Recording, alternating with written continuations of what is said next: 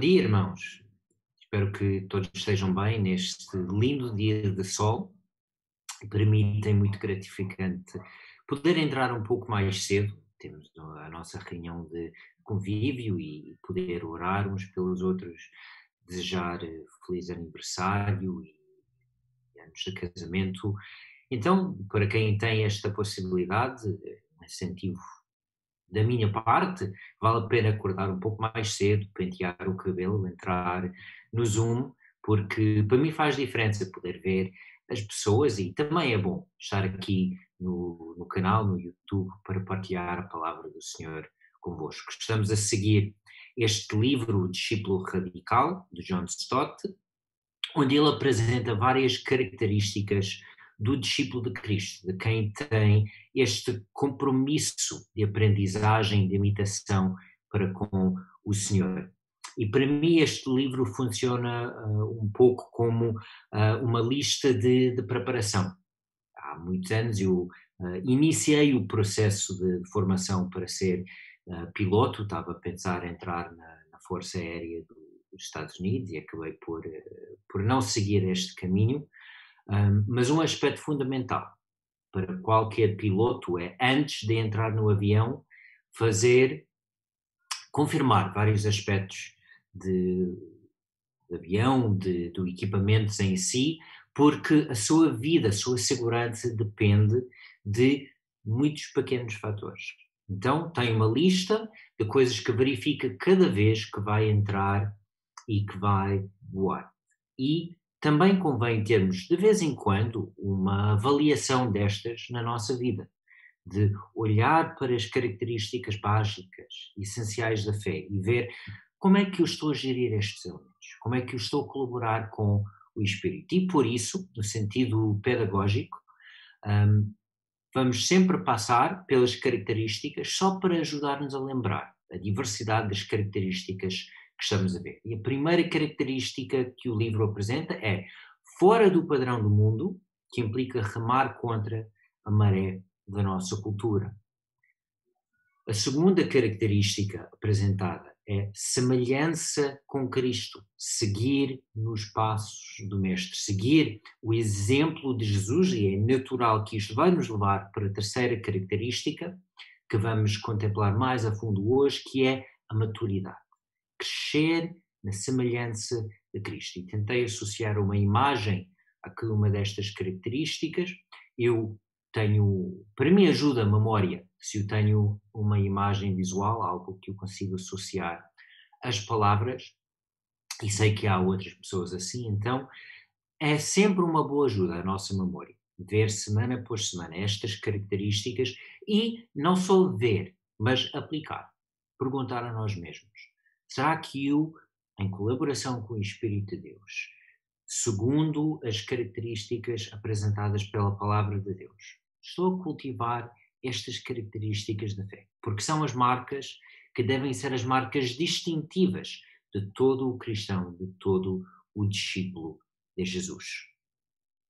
Na semana passada vocês aprenderam uma palavra de, de grego, não sei se ainda conseguem lembrar esta palavra, a palavra é teleios, que quer dizer maturidade, é um adjetivo, e este adjetivo caracteriza entidades que chegaram à conclusão, que são totalmente realizadas e desenvolvidas. Trata da ideia de completude, não estar nada do essencial em falta. E em alguns versículos, e é, é legítimo, as nossas Bíblias traduzem como perfeito. Mas é importante entender que este adjetivo não está a tratar da ideia de perfeito moralmente, pois esta é uma característica que apenas pode ser aplicada a Deus, pois nós, seres humanos, nunca vamos chegar à perfeição moral e ética aqui na Terra.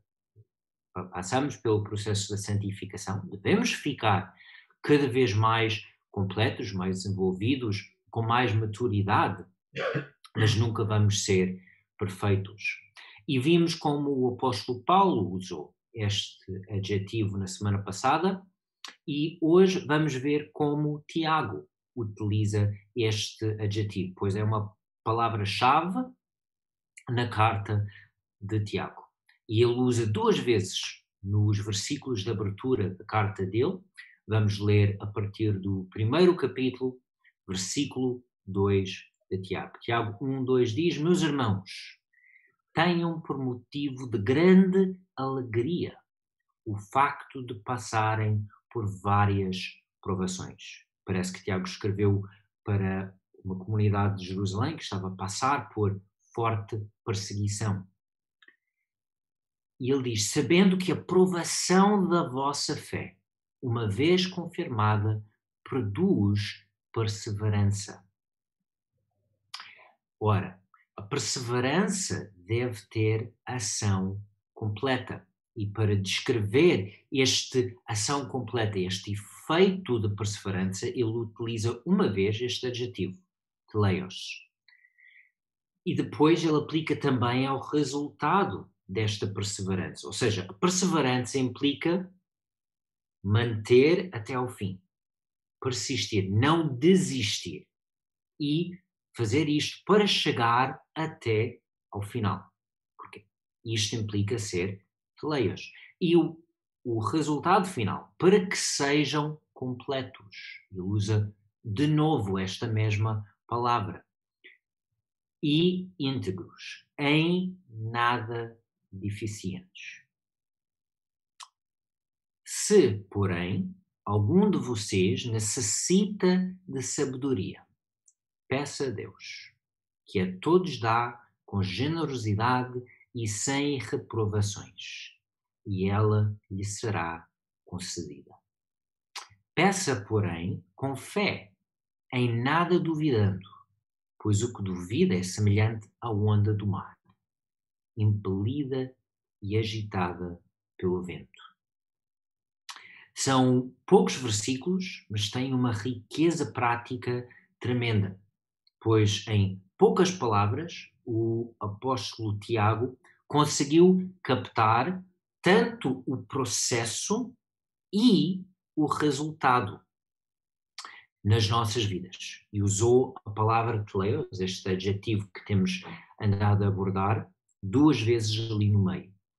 E o processo começa com diversas provações, dificuldades. Para a igreja a qual ele estava a escrever, uh, parece que eles estavam a passar por perseguição, que eles tinham também necessidade económica, pois ele falava de quem não tem nada, quem tem muito, que os que têm muito devem partilhar com os que têm menos. Então, circunstâncias desafiantes para esta igreja. Agora, as provações nossas talvez são diferentes, mas podem também contribuir para o processo que resulta em maturidade nas nossas vidas. Pois perante as provações, a característica que Tiago destaca é perseverança. Ele fala perseverança uma vez confirmada, e esta ideia de confirmada é de ser posto a teste. E a perseverança realmente é um teste. Não é fácil continuar quando estamos perante situações difíceis. Muitas vezes a nossa natureza humana, nosso desejo de facilitar as coisas faz-nos querer desistir ou dar um jeitinho para a situação ficar mais fácil. Quando a melhor coisa para o nosso caráter, para o nosso crescimento, para sermos discípulos de Cristo, é perseverar, é continuar, é passar o teste. E quando isto acontece, quando tem ação completa, resulta em integridade. Integridade completa, sem falta, Tiago usou a frase, em nada deficiente, que é uma descrição muito, muito boa daquilo que esta palavra teleios, este conceito de maturidade que nós estamos a estudar, quer descrever. Em nada deficiente. Não implica totalmente perfeito. Isto nunca vamos chegar lá. Mas é possível chegar a um ponto em que, no que é muito importante, no que é essencial à vivência da fé, não há grandes deficiências, não há grandes fraquezas. É um objetivo exigente, mas é algo que, em colaboração com o Espírito, deve sempre ser o nosso alvo. E Tiago também destacou alguns elementos-chave. E um destes, ele disse: o objetivo é, é ficar em nada deficiente, mas talvez pode faltar a alguns sabedoria. E, de facto, ao longo da Bíblia, no Antigo Testamento, existe uma secção inteira dos livros de sabedoria. E são muitos dos livros que são mais citados pelos cristãos, os Salmos, Provérbios, livros menos citados, mas igualmente válidos como Eclesiastes, como Jó, que querem transmitir esta sabedoria prática, como viver a vida bem numa grande diversidade de circunstâncias. É por isso que temos salmos de lamentar. Temos salmos que até pedem a Deus: Deus, eu estou a sofrer. Deus faz justiça em minha vida. Deus, eu não consigo fazer nada contra os inimigos, mas tu consegues. Então temos uma grande diversidade de circunstâncias descritas. E temos várias indicações de como viver sabiamente perante estas situações. E Tiago indica: quem sente falta de sabedoria deve pedir a Deus e pedir com confiança. Porque nós sabemos, este é um pedido que é segundo a sua vontade. Muitas vezes nós pedimos coisas a Deus e não sabemos muito bem se é algo que, que nos vai fazer bem, pedimos segundo a nossa maneira de ver as coisas, mas há outros pedidos. Pedidos que nós sabemos que são de acordo com os propósitos de Deus para a vida de todo o cristão, de todo o discípulo. E estes pedidos podemos pedir com total confiança, porque nós sabemos. É de acordo com a vontade dele. E este pedido de sabedoria é um destes pedidos. Então, são elementos-chave para nós podermos persistir, para podermos chegar à maturidade.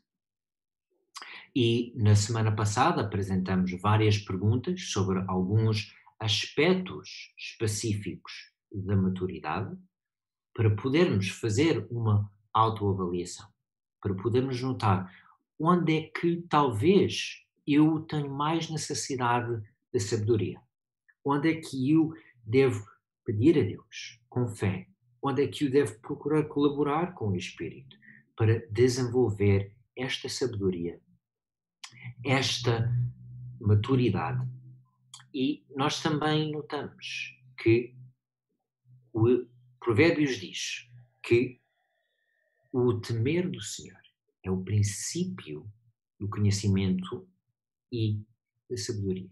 Então, há outro, quem tem confiança, quem tem, cultiva este temor a Deus, esta ideia que não é, não é medo, é respeito, é reconhecer Deus tu é que me criaste, tu sabes o que é bom para mim. E em vez de andar à luz da minha própria sabedoria, em vez de fazer as coisas do meu jeito, à minha maneira, o que eu vou fazer é eu vou ver na tua palavra, eu vou procurar as tuas definições, as tuas indicações. E onde eu ainda não estou a conseguir fazer a 100%, eu vou depender da tua ajuda. E eu vou procurar esta sabedoria, este conhecimento, sabendo que é isto que te agrada e que é isto que te glorifica. Então, é este o processo. Então, algumas perguntas para nos ajudar a identificar áreas da nossa vida onde pode haver uma ou outra fraqueza. Porque a verdade é, nenhum de nós é perfeito. Eu tenho algumas destas perguntas onde eu próprio tenho sentido desafiado a crescer um pouco mais. E é natural para todos nós, mas isto é saudável, porque dá-nos algo específico para orar, para colaborar com o Espírito, para dizer, Deus, neste aspecto da minha vida, ainda não cheguei, talvez, à maturidade completa. Ajuda-me, porque eu sei que isto vai te glorificar. Eu sei que isto vai fazer-me melhor servo teu. Que assim as pessoas à minha volta vão ver a imagem de Cristo em mim. Então, algumas destas perguntas, e nós perguntamos: quão distantes ainda estamos do destino da maturidade, este destino que o Novo Testamento descreve com esta palavra teleios. E eu pergunto, onde nós ainda não chegamos lá? Será, em parte, por falta de aprovações? É interessante que em vários sítios no Novo Testamento, as igrejas que têm mais riqueza, que têm as melhores condições de vida, são também algumas das igrejas mais problemáticas. O apóstolo Paulo escreveu várias cartas bem complexas para as igrejas de Corinto, que foi uma cidade na Grécia que tinha, foi um centro económico forte naquela região. E Paulo indica que haviam pessoas com boas condições de vida naquela igreja. A mesma coisa com as cartas de Jesus no livro do Apocalipse. Uma das igrejas lá, a igreja da Laodiceia, foi uma igreja que tinha riqueza em termos das coisas deste mundo, mas que não estavam a viver muito bem a vida espiritual. Então, às vezes, as provações, às vezes, enfrentar dificuldades nesta vida é bem, faz bem a nós. E perguntamos: será que a falta de aprovação na minha vida está a contribuir? Ou será que eu não tive sabedoria suficiente para aproveitar das situações para as quais eu já passei? Porque Paulo, Tiago liga esta ideia de sabedoria às provações para indicar que a perseverança perante estas circunstâncias leva-nos à maturidade. Ninguém quer passar por provações, mas quando passamos, sabemos aproveitar delas. Uma pergunta para sempre manter em mente, porque muitas vezes na vida as circunstâncias nos surpreendem, mas Deus pode estar a fazer coisas que vão contribuir para nós a maturidade. E se nós soubermos aproveitar destas circunstâncias, vamos conseguir colaborar melhor com o Espírito. Na semana passada, nós contemplamos a maturidade física, aspectos de saúde, de alimentação, do sono, que são fundamentais. Somos seres espirituais, mas não só. Também temos corpos. E a saúde, as condições do corpo também afetam a nossa mente, as nossas emoções e a nossa espiritualidade. Contemplamos também a maturidade intelectual, que Deus nos deu uma capacidade racional. Faz parte de imago Dei em nós, a imagem de Deus em nós. E é importante sabermos desenvolver e cuidar bem desta área da vida. Contemplamos especificamente estes dois na semana passada e hoje vamos contemplar mais dois aspectos da maturidade. E perguntamos: alcancei a maturidade moral? Eu consigo distinguir o bem do mal e das misturas.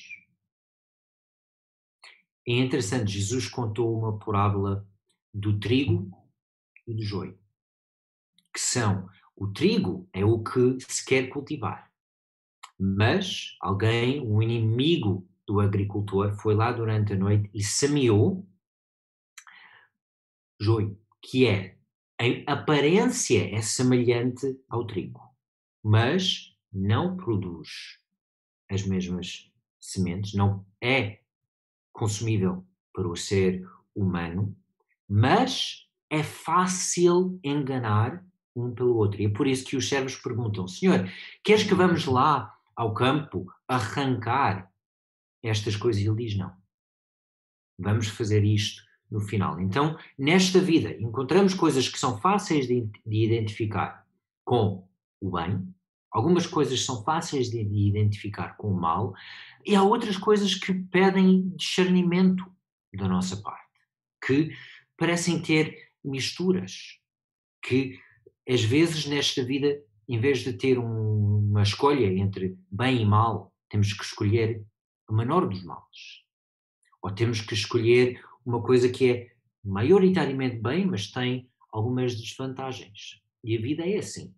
E a maturidade moral ajuda-nos a saber escolher o nosso percurso no meio deste mundo onde as misturas existem e onde não é sempre fácil ter este discernimento. Uma outra pergunta importante, especialmente para hum, os cristãos, que nós vivemos neste mundo do mal, eu consigo lutar contra o mal com êxito, com impacto, mas consigo fazer isto sem odiar e maltratar as pessoas. Porque se nós vamos ter impacto na nossa sociedade, nós temos que saber fazer oposição às forças do mal. Existem elementos na nossa sociedade que e no nosso mundo que incentivam fenómenos sociais, pessoais, relacionais que vão contra as instruções de Deus. E se não formos nós, as pessoas do bem, a fazer oposição, a criar alternativas, e não só alternativas, mas a influenciar as pessoas em prol de justiça de Deus, em prol do bem. Tem um filósofo que diz: o mal vence quando os homens bons não fazem nada. E se nós, os filhos de Deus, as pessoas do bem, se nós não sabemos lutar contra, nós estamos a abdicar de um papel essencial neste mundial, neste mundo, nesta sociedade. Mas nunca podemos cair no ódio, nunca podemos cair no erro de maltratar as pessoas, de ser excessivamente violentos. Jesus teve que fazer oposição aos fariseus, às autoridades religiosas que estavam a deturpar a lei, que estavam a manipular o povo naquela época. E, em alguns momentos, Jesus foi muito forte para com eles. Mas não vemos ódio. Não vemos que Jesus procurou a toda hora maltratar estas pessoas. Então Jesus lutou contra o mal, mas sem fazer dos outros inimigos. E nós temos que ser capazes de fazer o mesmo. E uma terceira pergunta. Eu consigo planear a curto, médio e longo prazo para garantir a sustentabilidade do bem moral.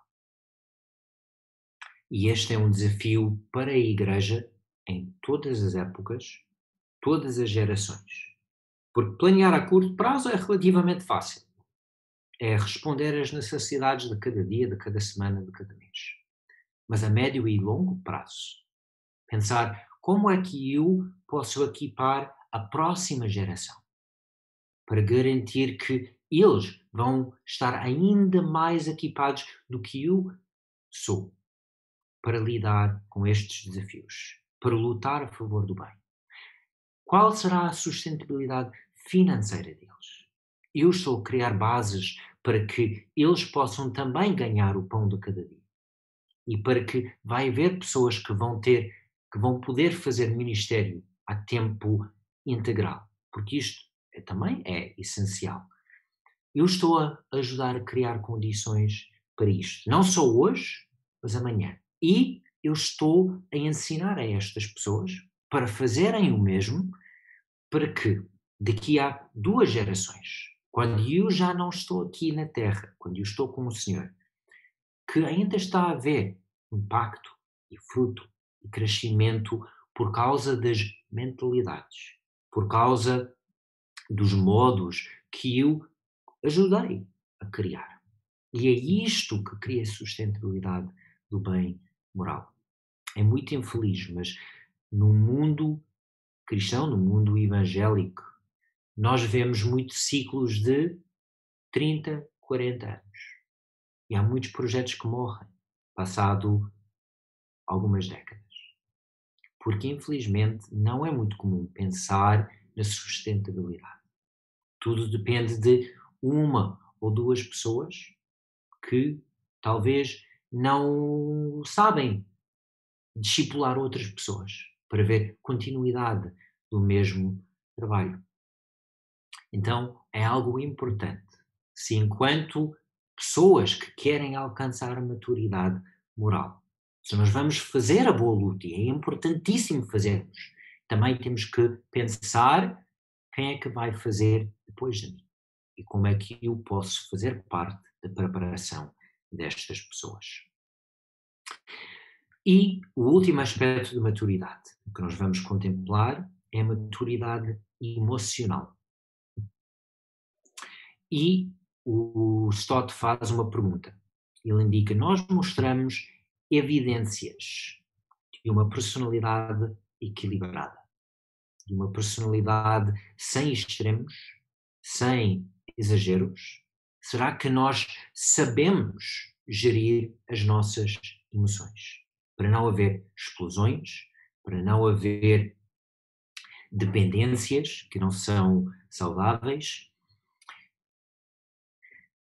E é uma área onde que também é muito importante para a nossa vivência da fé, esta área emocional. Outra pergunta: eu consigo cultivar amizades e relacionamentos saudáveis, sem dependências e sem manipulações? Será que eu consigo viver bem comigo mesmo, em termos emocionais? E será que eu consigo viver bem com os outros, em termos relacionais? Cada um de nós tem a sua personalidade, existe diversidade nisto e é totalmente saudável e nós não temos que tentar ser outra pessoa, mas ao mesmo tempo cada um de nós tem que saber gerir este mundo interior, que também faz parte de Imago Dei. Deus amou o mundo e nós também temos uma capacidade de amar.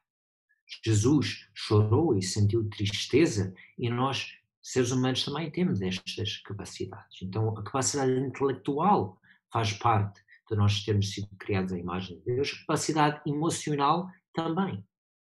Mas é uma área que, às vezes, para alguns de nós, é difícil gerir.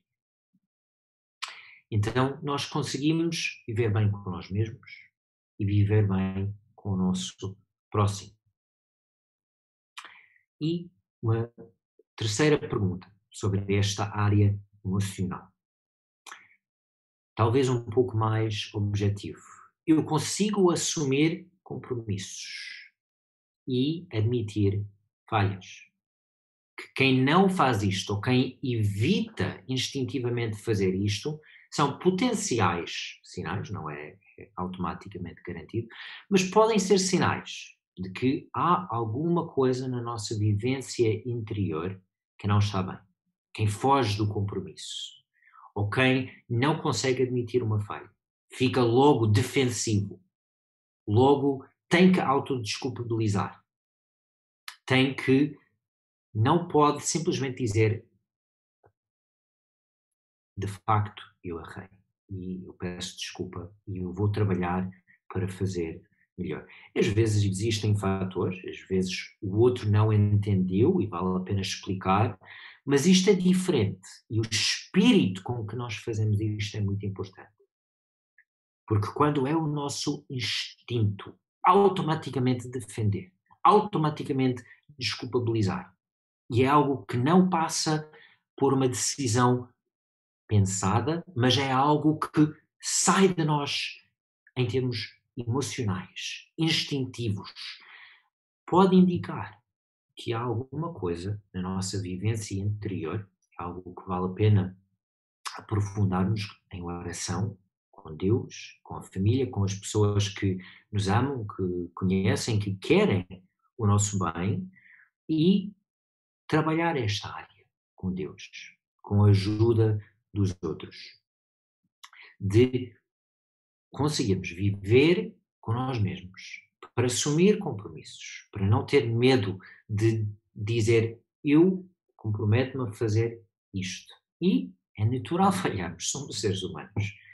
Ninguém é perfeito. E quando falhamos, com coragem, dizer: Meus amigos, eu peço desculpa, eu errei, não fiz tão bem como pretendia e vou aproveitar deste erro para aprender, para cultivar melhores hábitos, sem ter que entrar neste mundo de ser defensivo e das desculpas. É claramente um desafio a cada um de nós, mas são quatro áreas que nós contemplamos que estão no livro de Stott: maturidade física, a maturidade intelectual, a maturidade moral e maturidade emocional. Quatro facetas importantíssimas da vida, quatro áreas que pedem em cada um de nós maturidade e cada área pede um tipo de maturidade com características diferentes. Então, por isso, vale a pena pensar neles como áreas que são interligadas, mas também verificar cada área uma a uma. E é interessante, o autor não usou esta palavra, mas para mim, estas quatro áreas de maturidade, estas quatro áreas da palavra teleios que Stott abordou, faz-me lembrar logo uma outra palavra, desta vez uma palavra em hebraico, que é Shema, que é o nome de um dos versículos mais fundamentais em todo o Antigo Testamento. E é interessante que nos três evangelhos sinóticos, Mateus, Marcos, Lucas, são três evangelhos que têm vários episódios em comum, e onde os três registram o mesmo episódio é algo importante. E nestes três evangelhos houve um episódio onde Jesus foi perguntado de todos os mandamentos e os judeus contam mais de 600 mandamentos na lei judaica. Então, mais de 600 opções, qual é o mais importante? E temos este episódio nos três evangelhos. Vamos ver a versão que está em Marcos. Marcos capítulo 12, versículo, a partir do versículo 28. Um doutor de lei que se aproximou e ouviu aquela discussão e vendo que Jesus tinha respondido bem, fez-lhe esta pergunta: Qual é o mais importante de todos os mandamentos? Já falamos das provações, dos testes. Este é um que surgiu de nada na vida de Jesus.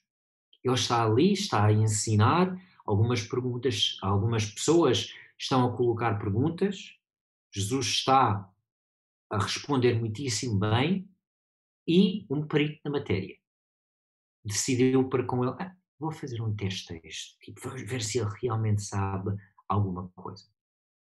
E Jesus, tens mais de 600 opções. Qual é o mais importante de todos os mandamentos? Versículo 29. Jesus esclareceu. O mais importante é este. Escuta, Israel. E esta palavra escuta é esta palavra que temos aqui em hebraico, que deu o nome a este versículo, Shema. O Senhor, nosso Deus, é o único Senhor. Então, um facto fundamental. Deus é um só, foi a grande característica da fé de Israel em contraste com todas as outras nações, que tinham diversas deuses e deusas de cada área da vida. Israel tinha um só. Mas não é só intelectual. Deus pede uma resposta. Versículo 30. Ama o Senhor teu Deus com todo o teu coração, com toda a tua alma, com todo o teu entendimento e com todas as tuas forças. Deus podia ter dito simplesmente com tudo, mas ele foi específico. E é interessante que as quatro áreas que ele especificou. E usou a palavra todo, deliberadamente, com cada um deles, com todo o teu coração, o lado emocional da vida. Com toda a tua alma, o lado moral e espiritual da vida. Com todo o teu entendimento, a área intelectual da vida e com todas as tuas forças. O que toca à vida física, o corpo. Então, as quatro áreas que nós abordamos também estão neste mandamento fundamental dado a Deus logo no início da história do povo de Israel, em Deuteronômio, antes de entrar sequer na terra prometida. Então é algo transversal à Bíblia, importantíssimo a todas as nossas vidas. E depois Jesus indicou, e o segundo em importância é este: ama o teu próximo como a ti mesmo. Não há nenhum mandamento mais importante do que estes. Então, é importante amar a Deus, mas não chega. Se nós não conseguimos amar o próximo, é uma indicação que algo está errado nas nossas vidas. Então, são é este o modelo de maturidade.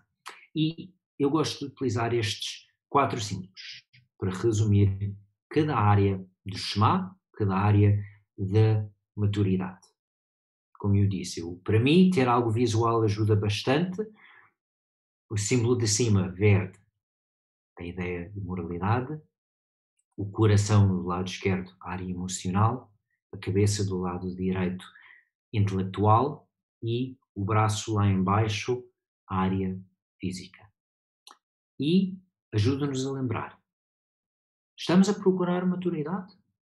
Então a resposta é: ama a Deus ama aos outros com atenção especial ao coração, à alma, ao entendimento e às forças. Quatro áreas fundamentais, quatro áreas que Deus destacou logo no início do percurso com o povo de Israel, que Jesus voltou a destacar, que John Stott destacou como áreas relevantes para o século XX e XXI no discípulo de Cristo, e são áreas essenciais se vamos conseguir chegar à maturidade, que é o nosso objetivo. Então, em colaboração com o Espírito, em oração, com muita humildade, sempre procurando e pedindo a Deus com confiança sabedoria. Vamos procurar viver vidas de maturidade, vidas de teleios, vidas de Shema, para a glória de Deus e também para viver bem com nós mesmos, com o próximo e com Deus. Que Deus vos abençoe ricamente, que esta semana seja mais um passo nesta colaboração com o Espírito. Um abraço